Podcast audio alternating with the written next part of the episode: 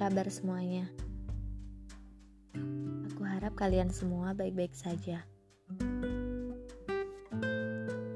Episode kedua dari aku Flosan dengan tema Jarak menjadi hambatan tersulit dalam hubungan.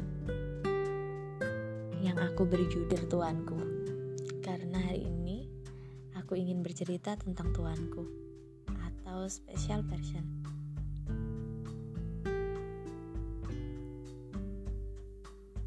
Sembuh ya. Maaf, tidak bisa merawat dan menjagamu. Jarak ini membuat aku menjadi pacar yang paling jahat sedunia. Bantu doanya teman-teman pendengar podcast Flosan untuk tuanku.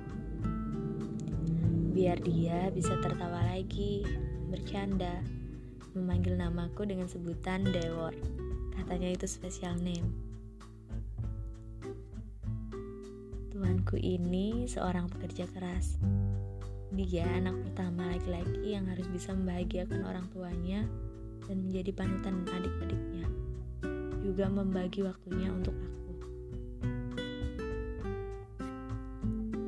Waktu bersamanya sangat berarti dalam cerita hidupku. Dia laki-laki pertama yang bisa membuat aku percaya lagi dengan namanya komitmen. Persamaan masa lalu menjadi tolak ukur kita masih bertahan saat ini. Hubungan jarak jauh Lubuk Linggau Bengkulu yang kami jalani ini sangat sulit. Karena aku first time long distance relationship.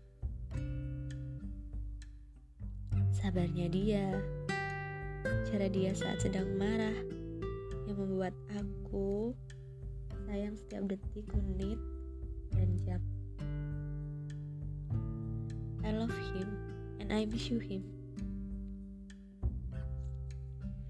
Bersyukur banget Allah mempertemukan dan memperkenalkan dengan cara yang unik. Oke. Lanjut episode ketiga teman-teman.